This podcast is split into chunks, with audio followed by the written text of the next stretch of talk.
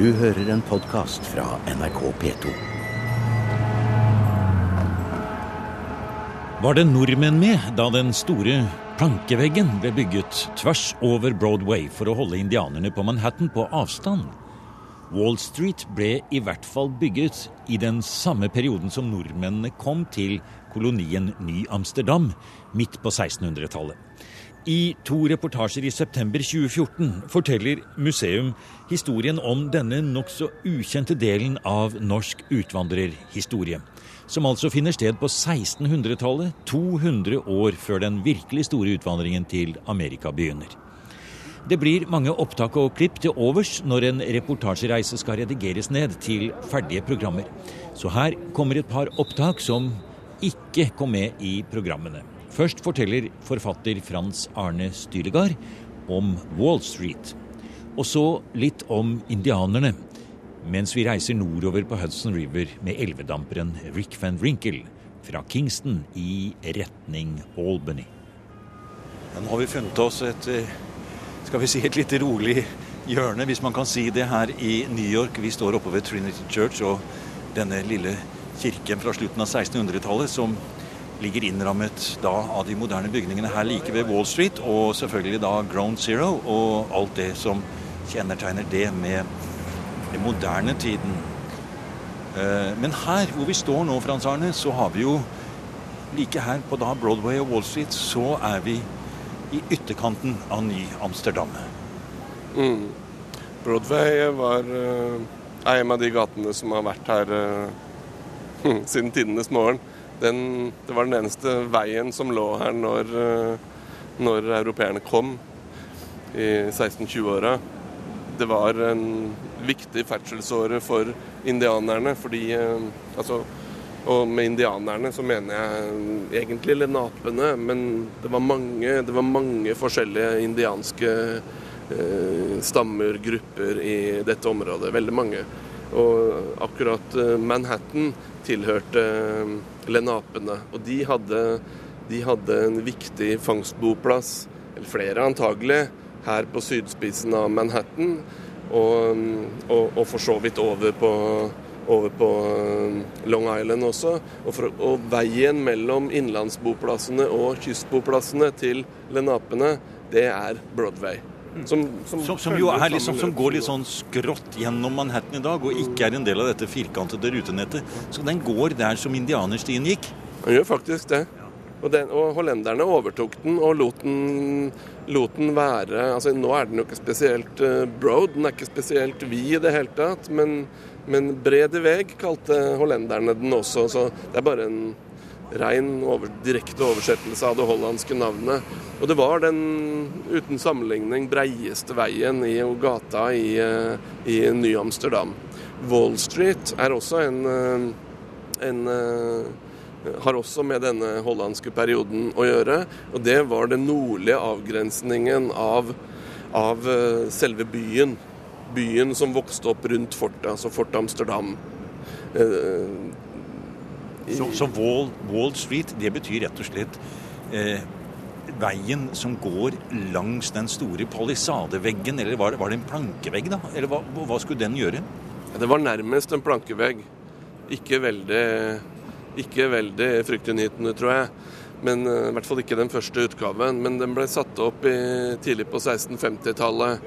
Uh, eh, primært for å, for å, fordi de frykta angrep fra, fra noen av indianerne.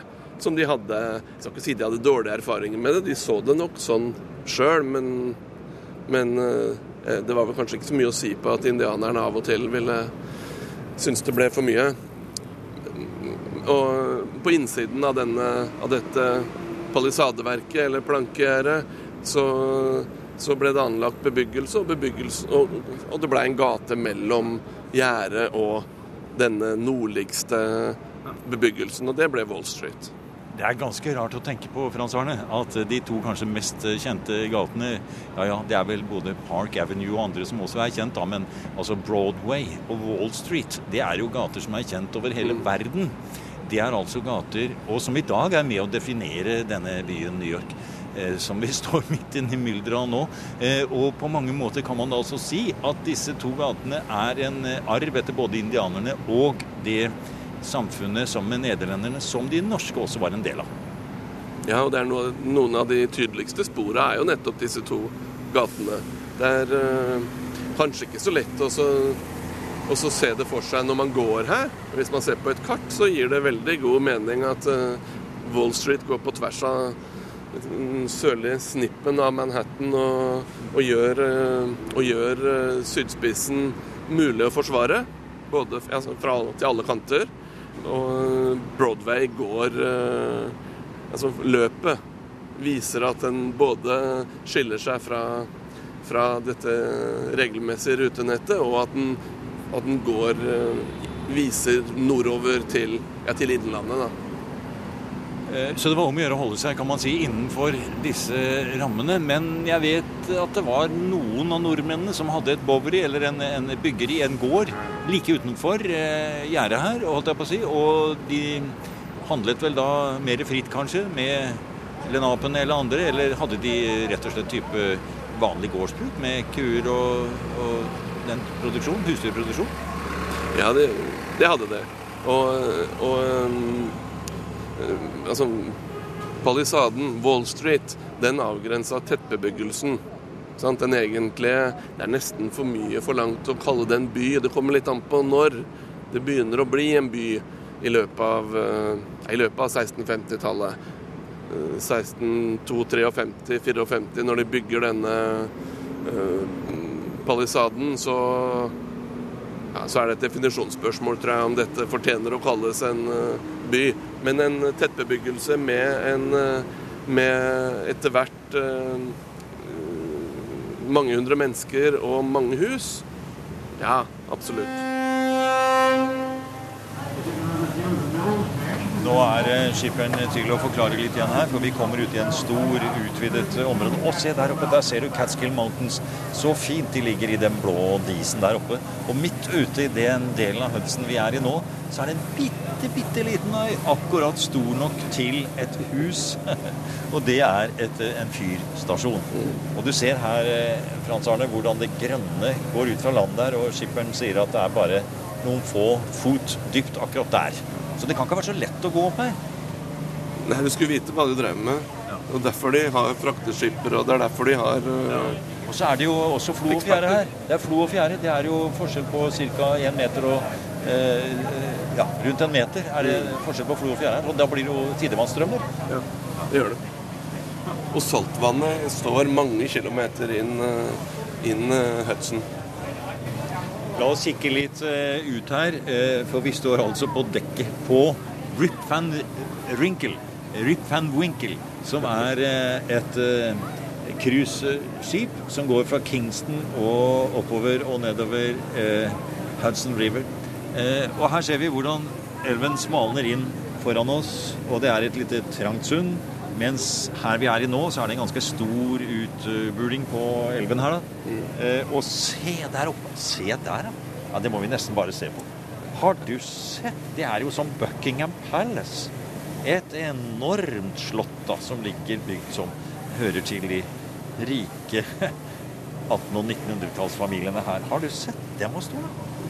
Det ser ut som vi har kommet til Plutselig så har vi kommet til, eh, til Italia. Det er sånn at eh, Huset til Downton Abbey det har vært et hundehus i sammenligning med se på, det. Se på stilen. Det ser ut som et uh, italiensk middelalderslott. Helt utrolig. Så det er noe vanvittig med formuer som dette handler om. Og her var de altså da en type tre til fem uker hvert år og hadde selskaper. Men det er jo en annen historie, spennende nok som den er. Men eh, hvis vi nå først er her på Hudson, så legger vi jo merke til det vi ser rundt oss, og det smalner inn foran oss som vi ser. Og på de forskjellige stedene her så vil jeg tro det var eh, steder hvor man måtte passere indianiske eh, vaktposter, utkikksposter, kanskje kontrollposter også. For denne elven var jo eh, svært viktig, og det helt avgjørende for handelen med beverskinn som skulle ned til Manhattan. For man gikk ikke så mye over land her. Det var altså her ute man ferdes. Ja, altså beverskinna ble vanligvis altså, Stort sett så ble de omsatt i i eh, Fort Orange eller Bevervik. Og så, og så ble de der frakta videre til, eh, til Manhattan. Men indianerne leverte gjerne Altså mohawkene da, og, og mohikanerne. De leverte gjerne sine, sine, pelsvarer til Fort Orange. Og det var det som var regelen, selv om det selvsagt også kunne Det var mulig å gjøre det lenge sør også. Og, og, men, men kompaniet var veldig opptatt av å regulere pelshandelen. De ville ikke at nybyggerne skulle Nybyggerne hadde ikke lov å drive med pelshandel. Og de gjorde det jo, men de hadde ikke lov. Det er, en stor, er en stor diskusjon om hva de egentlig kriga om. Vi er på slutten av 1620-tallet. Men de gjør i hvert fall hele kolonien utrygg. Og, og, en teori, og en gammel teori da, sier at de, de, krangler om pelsforsyningene. De krangler om hvem som skal få lov til å bestemme over eh, pelsleveransene til hollenderne. Og dette, og dette er da mohawkene og mohikanerne. Alle disse indianske skal vi kalle de stammene hadde, hadde selvsagt sine egne agendaer. Altså, sånn som vi ville hatt det. De hadde sine egne ideer og oppfatninger om ting, og de, og de eh, De spilte en veldig aktiv rolle i dette, ikke sant? Og, og eh, sånn i all i all hovedsak på første halvdel av 1600-tallet så, er så, så, er det noen store store stammer eller stammeforbund som, som, som har hver sin europeiske koloni som, hoved, som hovedalliert. Så altså, mohawkene var veldig viktige for, for den hollandske kolonien. Du hadde, du hadde andre store og minst like ambisiøse eh, stammeforbund lenger øst som, var, som, som, egentlig gjorde det samme for engelskmennene. De, de forsynte dem med skinn og fikk våpen og også militærstøtte av og til tilbake, som de da kunne bruke mot sine tradisjonelle fiender. Eh, det fantes en svensk koloni her i noen, eh, i noen år på 1640-åra, 50-åra, som til slutt ble erobra av Holland, altså hollandske kolonien, da, egentlig av kompaniet, rett før, noen år, få år før uh, engelskmennene erobra kompaniets koloni igjen. Og de hadde, de hadde sine egne skal vi si, hoffleverandører av, uh, av pels og militære allierte. Så når, uh, når støvet sant da stikker, sender soldater og væpna menn til eh, Delaware, der den svenske kolonien var, for å, for å, for å erobre den. Det var ikke noe big deal å erobre den, det gikk ganske greit. Men de ble jo borte en stund.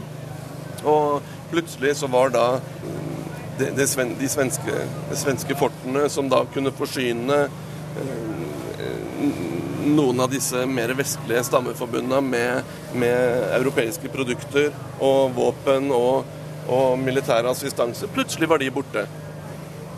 Og, og, det skapte da Det forteller litt om hvor komplekst dette var. fordi det at man ved Delaware fjerner forbindelsen mellom, av alle, ting, av alle merkelige ting i verden, en svensk koloni i Amerika og, og Susquehannock, som denne, dette andre mer vestlige stammeforbundet het, det fører da til antagelig det som ruller og går, og som i løpet av noen dager fører til at ikke, ikke først og fremst disse, men noen andre lenape-indianere plutselig står på Manhattan og, og, er blitt fiender, ikke sant?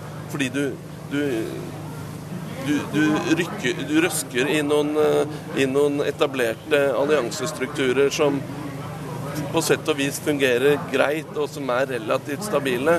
Og så gjør du en liten endring langt nede ved Delaware, og, og, og, få dager etter så står det noen indianere ved Manhattan, og, og det var mange av dem. 5000 uh, krigere i, i, ved Manhattan som, som er rimelig forbanna. Du har nå hørt en podkast med ekstramateriale fra Museum NRK P2. Museum sendes i NRK P2 på lørdager klokken 16.03 og søndager klokken 08.03. Jeg vil gjerne ha dine synspunkter på programmet. Send kommentarer eller tips til museum krøllalfa nrk.no.